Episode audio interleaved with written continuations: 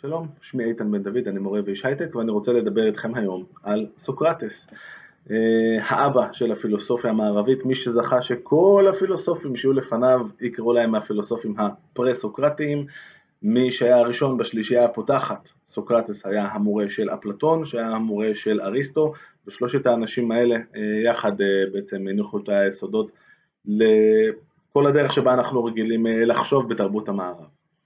אמ, רקע היסטורי בקצרה, אה, הכי קל לזכור, הוציאו אותה להורג, כמובן עוד נחזור אליו, במינוס 399, הוא חי באתונה שהייתה אה, דמוקרטיה מאוד יפה ומסודרת, אם כי היו בה גם אה, הרבה מאוד עבדים, שהם אלה שעשו את העבודה האמיתית, העבודה של בני החורין הייתה בעיקר לנהל צבא ולצאת למלחמות כשצריך, ובשאר הזמן להתעסק בדברים הבאמת חשובים, כמו למשל אה, דיונים של איך אה, צריך לחיות, דיונים שבהם כפי שנראה סוקרטס אה, היה מאוד מאוד מעורב. סוקרטס בעצם פועל על רקע תנועה של מה שנקרא סופיסטים, שאלה אנשים שלימדו בדרך כלל בשכר, לימדו חוכמה מסוימת. אם זה אמיתות פילוסופיות מצד אחד, ואם זה פשוט עצות איך לנצח בוויכוחים איך להיות עורך דין טוב, איך להביא נימוקים טובים, ולמה זה חשוב? זה חשוב כדי לזכות במשפטים. אה, וזה חשוב כי באספה של, אה, באספת העם של אתונה, אתונה הייתה דמוקרטיה אמיתית במובן הזה שלא היו נציגי ציבור כמו אצלנו אה, שהם אלה שמחליטים, אלא יש אספה של כל בני החורין מתיישבים, מצביעים, ולכן היכולת שלך להגן על עצמך מפני האשמות כאלה ואחרות הייתה מאוד חשובה. ונוצר מצב שהאמת פחות חשובה מהדרך שבה אתה יודע לבסס טיעון.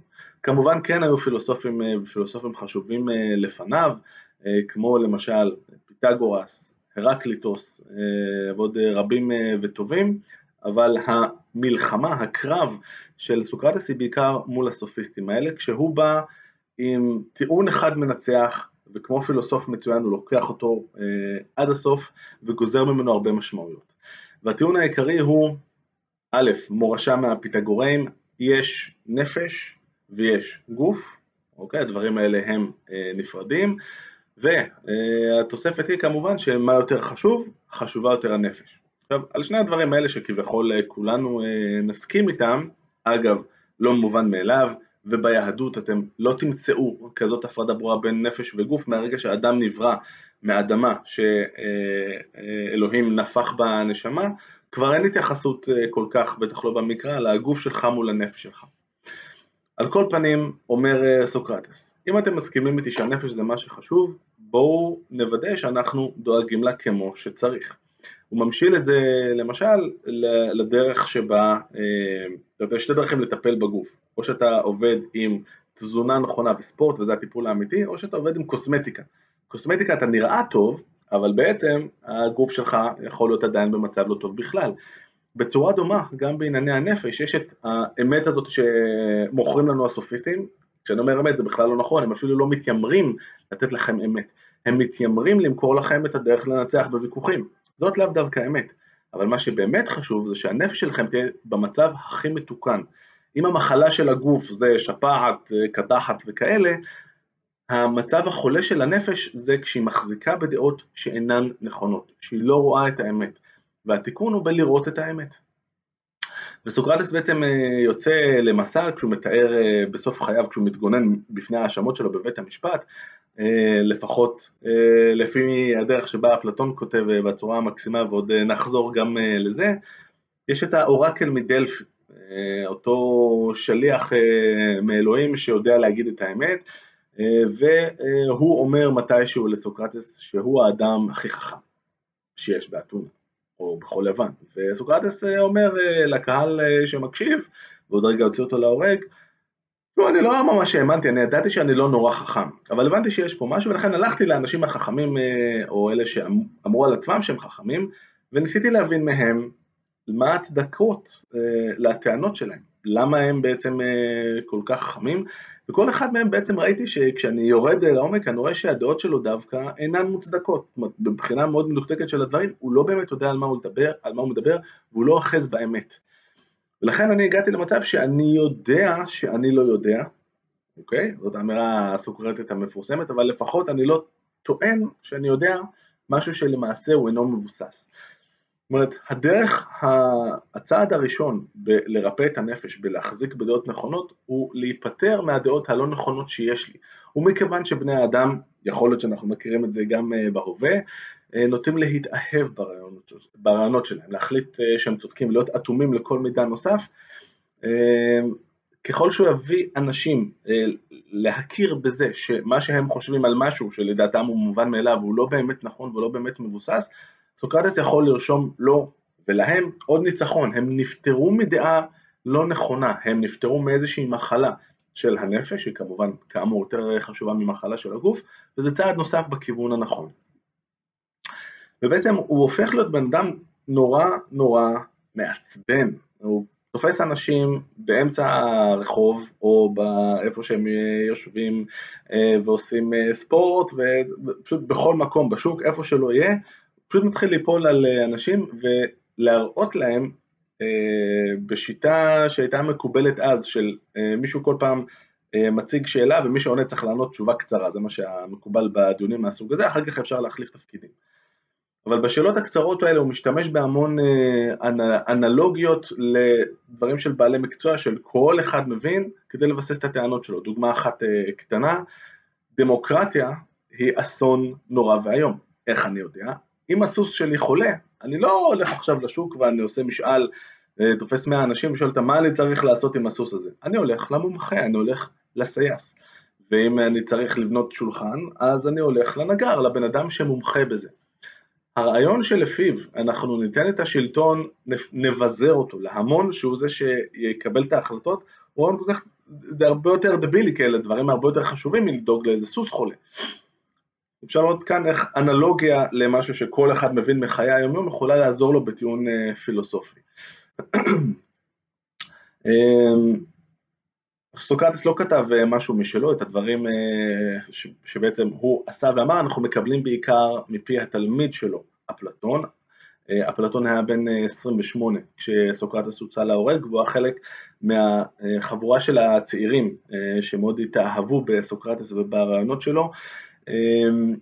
ואפלטון בכושר הגם פילוסופי וגם הדרמטי שלו, יודע לתת לנו דיאלוג אחרי דיאלוג, אה, דיאלוג זה לאו דווקא בין שניים, לפעמים יש עוד אה, דמויות, ולתאר איך סוקרטס היה אה, מבצע את ההלוך ושוב הזה, מכיוון שאפלטון לא היה היחיד שכתב דברים כאלה, אלא גם קסנופון, שהיה פחות או יותר בן דורו ובן גילו, וגם הוא הכיר מכלי ראשון את סוקרטס, אנחנו יודעים להגיד שזאת לא המצאה של, של אפלטון, למרות שאין ספק שבהמשך חייו אפלטון כבר התחיל להכניס יותר את הדוקטרינות, את התפיסות שלו לתוך הדיאלוגים האלה, כשעדיין מי שדובר הוא כמעט תמיד בשלב הזה, עדיין סוקרטס.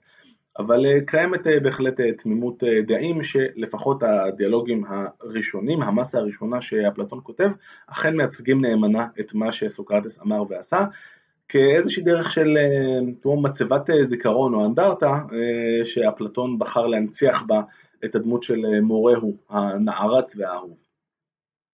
דוגמה לדיאלוג, אהוטיפרון. אוטיפרון זה שם של אה, בן אדם, אה, סוקרטס אה, בדרך, ככה מתחיל הדיאלוג, בדרך לבית המשפט, בדרך בעצם למשפט שלו, אבל בדרך קורה משהו הרבה יותר חשוב, כי הוא רואה שאוטיפרון, חבר שלו, נורא מבסוט מעצמו, למה אתה מבסוט מעצמך אוטיפרון?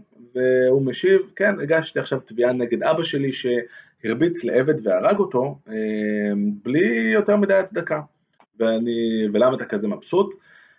ואומר לו תפרון, כי עשיתי את מה שרצוי לאלים. עכשיו, בואו נעצור רגע. אמ, השאיפה ביוון העתיקה הייתה להחזיק במה שנקרא ארטה, הסגולה הטובה או המעלה. עכשיו, מה זה להחזיק בסגולה הטובה, מה זה להיות איש מעלה, מה זה להיות איש טוב, אז היה מקובל שזה משהו שמחולק לכמה חלקים. יש שם אומץ, צריך להיות אמיץ, צריך להיות חכם, צריך להיות צודק, צריך להיות מתון, זאת אומרת איזשהו, אה, להיות אה, רגוע, בכל זאת מזרח תיכון, אמ, ו... הוא היה בתיכון. ודבר אחרון, אה, להיות אה, מה שנקרא, בתרגום הקלאסי זה נקרא חסידות, לדעת להסתדר עם האלים היוונים, שהם כמו שאנחנו זוכרים חבורה לא סימפטית ולא אחידה של טיפוסים. אז אומר לו אה, אוטיפרון, אומר לסוקרטס, אני כל כך מבסוט על זה שהגשתי את התביעה נגד אבא שלי, כי זה המעשה האהוב על האלים. ועכשיו סוקרטס בעצם עושה את המהלך הקלאסי שלו ואומר, רגע, אני צריך פה הגדרה. בוא נוודא שאנחנו מבינים על מה אנחנו מדברים כשאנחנו אומרים את העניין הזה של החסידות. ואומר, אוקיי, אז מה שאני עושה עכשיו, להגיש את התביעה הזאת נגד אבא שלי. אומר לו סוקרטס, זה מה שמאפיין את ההגדרה, ואני מזכיר, אה, המרדף אחרי ההגדרה זה לנו נראה מובן אה, מאליו, סוקרטס היה הראשון שנורא התעקש על זה, אומר לו, אל תביא לי דוגמה אחת ספציפית, תגיד לי באופן כללי, מהם המעשים שהם חסודים, אה, שאני אדע להבחין בפעם הבאה שאני אתקל באיזשהו משהו, אם זה כן או אם זה לא, תגיד לי גם מה לא חסוד על ה... מה לא נחשב לחסידות. החיפוש הזה אחרי הגדרה, שתיתן לי משהו כללי שאני יכול לעבוד איתו בפעם הבאה שאני אתקל באיזושהי תופעה, לדעת לסווג אותה אם זה כן נכלל בזה או לא, זה משהו שהיה מאוד חדש, אוקיי? זה המצאה של אה, סוקרטס. אה, אוקיי, אוטיפון חושב קצת ואומר, טוב, אז מה שהאלים מרוצים ממנו, זה חסידות. אה, ואז סוקרטס אומר, טוב, אבל אתה זוכר את הקטע הזה בהומרוס ככה וככה, היה מעשה שזהוס, זה מצא חן בעיניו, ועל אלה אחרת, אני חושב שזאת הרה, אשתו, זה לא היה מקובל. אין בעיה, אוטיפון חושב עוד קצת ומביא לנו הגדרה שלישית, זה מה שכל האלים יסכימו עליו שזה בסדר. אוקיי, עכשיו כבר יש משהו לעבוד איתו. ואז סוקרטס מנחית את מכת המחץ. והוא שואל, רגע, אם האלים רוצים מעשה מסוים, זה בגלל שהוא טוב, או בגלל שהמעשה הוא טוב, אז האלים רוצים אותו.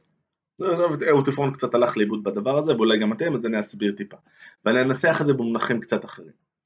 הייתי אומר ככה, אם מעשה הוא טוב, אוקיי, אז אה, פחות אכפת לי אולי שהאלים רוצים אותו. שזה מעניין את האלים באותה, באיזושהי צורה, כי אני ממילא רוצה לעשות את מה שטוב, נכון? אז כאילו, אז אני לא צריך פה יותר מדי את המעורבות האלוהית, אני רק צריך לעשות את הדברים שהם טובים. אני יודע מה טוב ומה לא, זה כבר סיפור אחר, לא עכשיו.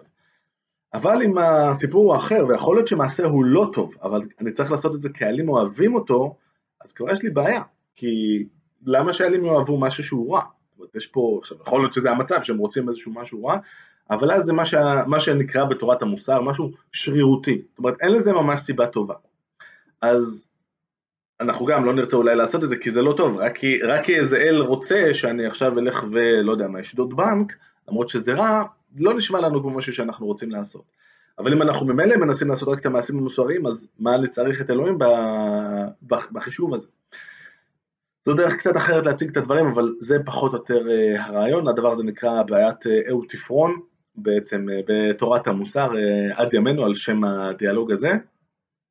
האוטיפרון בשלב הזה כבר אה, די מרגיש שהוא הלך לאיבוד והדיאלוג קצת ממשיך עם עוד איזושהי הצעה או שתיים, אבל זה הרעיון הכללי. אז אם לסכם, ליפול על מישהו באמצע הרחוב, לא משנה מה אתה או הוא עושים כרגע, להביא את הדיון למקום שאתה מחפש הגדרה למשהו, להבין יחד עם הבן אדם השני, שאנחנו לא באמת יודעים מה אנחנו מחפשים. עכשיו סוקרטס, וזה משהו שנקרא האירוניה הסוקרטיס, אנחנו לפחות אה, כמו שבדרך שבה אפלטון משרטט את הדברים ביד אומן, אנחנו לא תמיד נורא בטוחים שהוא באמת לא יודע מה הפתרון. נראה שהרבה פעמים דווקא יש לו כיוון נורא מסודר, אבל הוא מקפיד לשחק אותה כאילו הוא לא יודע. וזה איזשהו, אה, איזושהי טקטיקה אה, שעוזרת לו להתמקד בדבר החשוב. והדבר החשוב הוא למצוא את נקודות התורפה, את הנקודות הלא נכונות בתפיסות כרגע של אה, בן שיחו, ולהראות לו, אדוני, מה, שאתה, אה, אה, מה שחשבת ש, שהיא אמת, אינה אמת כלל.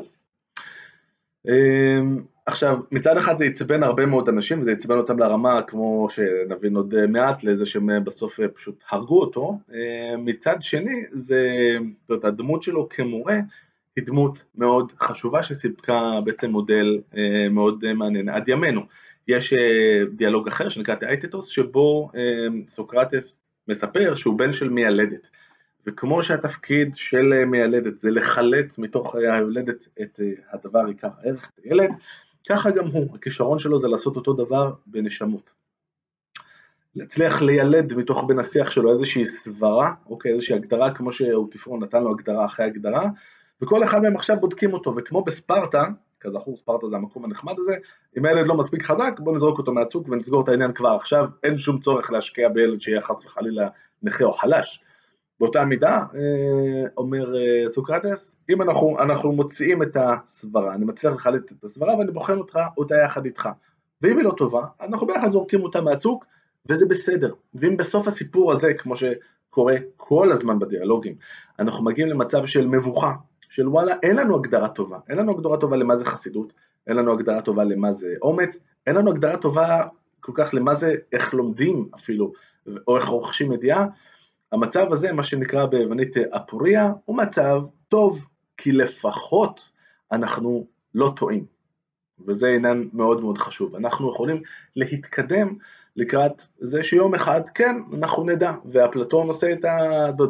עם האירוניה הסוקרטית שלו, הוא גם שם את עצמו באותה סירה יחד עם התלמיד. אומר, אני גם לא יודע, בוא נלך נלמד ביחד. והאמירה הזאת של המורה, שהוא לא בא להלביש על התלמיד את התפיסות הפדגוגיות שלו, אלא יוצא יחד איתו למסע, זה משהו שבעיניי הוא די מקסים, וזה בהחלט שימש מודל להרבה מאוד מחנכים לאורך הדור. אחרי שאפלטון עצבן הרבה מאוד אנשים כאמור, ואפלטון מיטיב לשרטט בחלק מהדיאלוגים את התגובה של האנשים, לא כל אחד נורא שמח שעכשיו מול הרבה עדים אתה נחשף במערומיך, ומה שחשבת קודם לא נכון, וכל מה שאתה מנסה להגיד כדי להצדיק את העמדה שלך והקודמת שלך, הבן אדם הזה כמו מתאגרף מיומן, תוך שלוש ורבע שאלות מפיל אותך לקרשים, זאת לא חוויה נעימה בכלל. לא כל אחד אה, מחפש אה, עכשיו ללכת ולרדוף אחרי האמת, יש כאלה שסתם מנסים שהסביבה שלהם תחשוב שהם חכמים ומוצלחים, ובא סוקרטס הזה ומוציא להם את כל האוויר מהבלון. אה, וכמובן עם כל הביקורתיות הזאת כלפי כל ערך שיש בחברה, אין ספק שהייתה פה השלכה על הצעירים שהסתובבו איתו, אפלטון היה אחד מהם, ויש חשש, או היה חשש בקרב תושבי אתונה, שהבן אדם הזה הולך לפרק להם את החברה, או לפחות להוות איום משמעותי עליה. ולכן העמיד אותו לדין בעקבות האשמה שהוא, עכשיו ההאשמות היו באמת לא קשורות למציאות, והוא גם אומר את זה בנאום ההגנה שלו, אז שהוא מאמין באלים לא אמיתיים, שזה קצת קשה לעשות ב- ביוון עם כל האלים, אבל אה, ניחא, אה, והופך את הטענה הניצחת אה, למוצלחת, משהו כזה, בקיצור, באותו דבר שהוא נלחם נגדו מול הסופיסטים, שהוא מצליח לגרום למשהו שהוא לא אמת, להיראות כאילו, כאילו הוא אמת. ואפלטון מגיע למשפט שלו, ושם הוא נותן את הנאום שלו, האפולוגיה, יש לה גרסה אצל קסנופון, והגרסה היותר פופולרית והיותר מוצלחת, אין מה לעשות, אצל אפלטון, ובגדול הוא אומר, א', ההאשמות שלכם הן, הן שטויות במיץ, אבל מה שחשוב הוא מה שעשיתי כל הזמן הזה. כלומר, אני הייתי רכוב עליכם כל היום כולו, רק כדי לעזור לכם, כדי בעצם לפתור אתכם מהאמונות הלא נכונות וכולי, כל מה שדיברנו עליו, ואחרי שהוא יוצא, אה, בסיבוב הראשון יש הצבעה והוא יוצא אשם, ברוב קטן, ואז אה, בעצם עכשיו הוא צריך להציע את העונש, ואחד אה, מהעונשים שהוא יכול היה לבקש היה נגיד הגליה, או לשלם איזשהו קנס או משהו כזה, וסוקרטס כאן כבר נמאס לו לגמרי, ויש חוקרים מודרניים שאומרים שזה פשוט כי בשלב הזה הוא כבר החליט למות על קידוש השם. אתם יודעים מה? קודם כל עכשיו יש לנו זמן, הוא שוב אה, מסביר למה הוא כן צדק אה, כל הזמן, והוא אומר אם אתם רוצים לתת לי כאילו את הגמול הראוי לי, אני מעכשיו צריך לקבל ארוחות חינם בבית, ה, בבית המועצה כל יום, אה, כי זה מה שראוי לאנשים כמוני. כולם שומעים את זה, ועכשיו בקטע של העונש, שהוא כמובן הוצאה להורג, הרוב נגדו כבר היה הרבה יותר חד משמעי.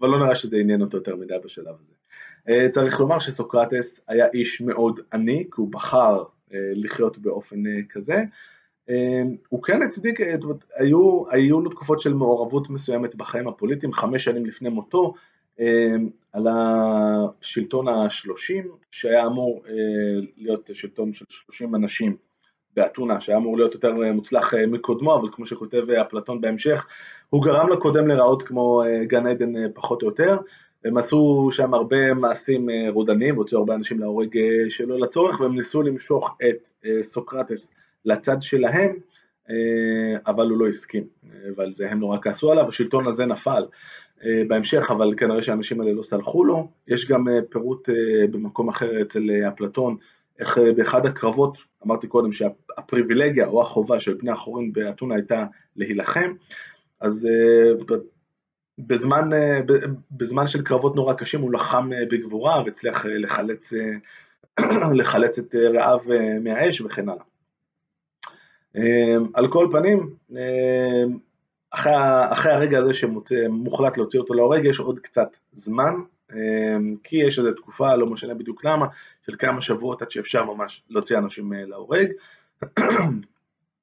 ואפלטון על השלב הזה, השלב ביניים, כותב דיאלוג אחד, קריטון, שבו חבר של סוקרטס קריטון בא לבקר אותו בכלא ומציע לו שיבריח אותו לחוץ לארץ, וסוקרטס לא מסכים, והטיעון שלו הוא טיעון שהוא מאוד הגון. הוא עושה משהו שנקרא האנשה, פרסוניפיקציה של החוקים של המדינה, של אתונה. יגידו לו החוקים לסוקרטס, אנחנו גידלנו אותך כל החיים שלך, דאגנו לך, נתנו לך את המסגרת של החברה שאתה נמצא בה והכל, אתה לא יכול, כשזה לא נוח לך, להחליט ש... שנמאס לך ואתה בורח. אם אתה איתנו, אם לא התלוננת עלינו כשהיה לך טוב, אתה לא יכול להתלונן עלינו כשרע לך. ושם, זה כתוב בצורה שבאמת נורא נוגעת ללב, וכמובן הדיאלוג המופתי של, של אפלטון על רגעי מותו של סוקרטס, כשלפני זה הוא מנהל דיון עם בני שיחו, עם החבורה שלו, שאותה מטרידה שאלה נורא פשוטה, בייחוד בזמן הזה, אבל אומרים אולי לא מתאים לך לדבר על זה בדיוק עכשיו, אבל בגדול האם הנפש הולכת להמשיך לחיות אחרי שמתים, רמז רמז, הנה זה עתה עוד שעה, והוא, אחרי שהוא נפרד מאשתו ומהילדים, אומר, להפך, עכשיו זה הזמן, זה הדבר שרציתי לעשות כל החיים, להתעסק בפילוסופיה, בוודאי שאני רוצה לעשות את זה עכשיו. והוא מסביר בכל מיני נימוקים וטיעונים שלא ניכנס אליהם עכשיו, למה הנשמה היא אכן בת על מוות, ולמה יש חיים אחרי המוות וכולי. הוא ממשיך בקו הזה תפיסות של, שהתחילו בכת הפיתגוראית, שבגדול ייסד אותה פיתגורס, אנחנו מכירים אותו בעיקר מהמשולש ששער הזווית ומהמשפט, אבל הוא והכת שהמשיכה אותו, העלו הרבה רעיונות מאוד חשובים, כמו חשיבותו של המספר, אנחנו מכירים את זה היום כמובן, כשכל העולם הוא דיגיטלי, 0 או 1, אבל גם עם רעיונות מעניינים רבים נוספים, כמו למשל זה שהנפש נפרדת מהגוף ושהיא בת על מוות. ובהמשך, אחרי שסוקרטס מניח את דעתם של חבריו שאין מה לדאוג והנפש תמשיך לחיות, הוא שותה את הרעל בשלווה רבה, כשכולם סביבו בחצי היסטריה. אפלטון בצורה מעניינת לא שם, כי הוא היה נורא חולה, אבל הוא מתאר את הדברים בצורה שבאמת היא קסומה. ממליץ לכל אחד לקרוא את פיידון. וזהו, סוקרטס מת. מי שלא האמין בדמוקרטיה לפני זה, אז עכשיו בכלל לא מאמין בדמוקרטיה, ואפלטון בהמשך יתקיף את הדמוקרטיה בצורה חסרת רחמים, מבחינתו המשטר כמעט הכי גרוע, אבל לפחות לא הכי גרוע, ובמידה רבה, א', בגלל הסיבות שסוקרטס כבר מנה ושתיארנו אותן, וגם כי הנה זה מה שהמון יכול לעשות. גם אריסטו, התלמיד של אפלטון, יברח מאתונה יום אחד, והוא יגיד, כששאלו אותו למה, הוא אמר, כדי שאתונה לא תחטא לפילוסופיה שוב. הוא הרגיש שמאוד יכול להיות שיקרה לו מה שקרה לסוקרטס. אז אם לסכם, סוקרטס הוא דמות שהציבה או ביססה הרבה ממה שהמחשבה המערבית מבוססת עליו, אם זה השאיפה להגדרה נכונה, מבחינה לוגית, מבחינה מוסרית, הרעיון של לחיות את החיים הנכונים. עוד נקודה שאני חייב לדבר עליה לרגע, נקודה שהוא מאוד התעקש עליה, עדיף לסבול עוול מאשר לעשות אותו. שזה כאילו, אוקיי, זה נשמע טוב, אבל לא ככה אפשר לחיות, והוא מוכיח באותות ובמופתים שהנשמה שלך, אם אתה תעשה עוול, הנזק שאתה גורם לעצמך הוא הרבה יותר גדול מכל דבר ש, שמישהו אחר עלול לעשות לך, ולכן עדיף לסבול עוול מלעשות אותו, ואת האידיאל הזה הוא כאמור גם מימש, כשהוא ספג את העוול הגדול הזה מתושבי אתונה. אז מבחינה מוסרית ומבחינה לוגית פילוסופית, ובעיקר בדמות שלו כאיש שמחויב לגמרי לאמת ומהווה מורה להרבה מאוד אנשים, בין אם הם רוצים את זה ובין אם לא, אבל בסדר, כנראה שלא כולם תמיד ירצו. אז עד כאן לגבי סוקרטס, לפרטים נוספים ולתיאום הרצאות אפשר להקליק כאן, להתראות.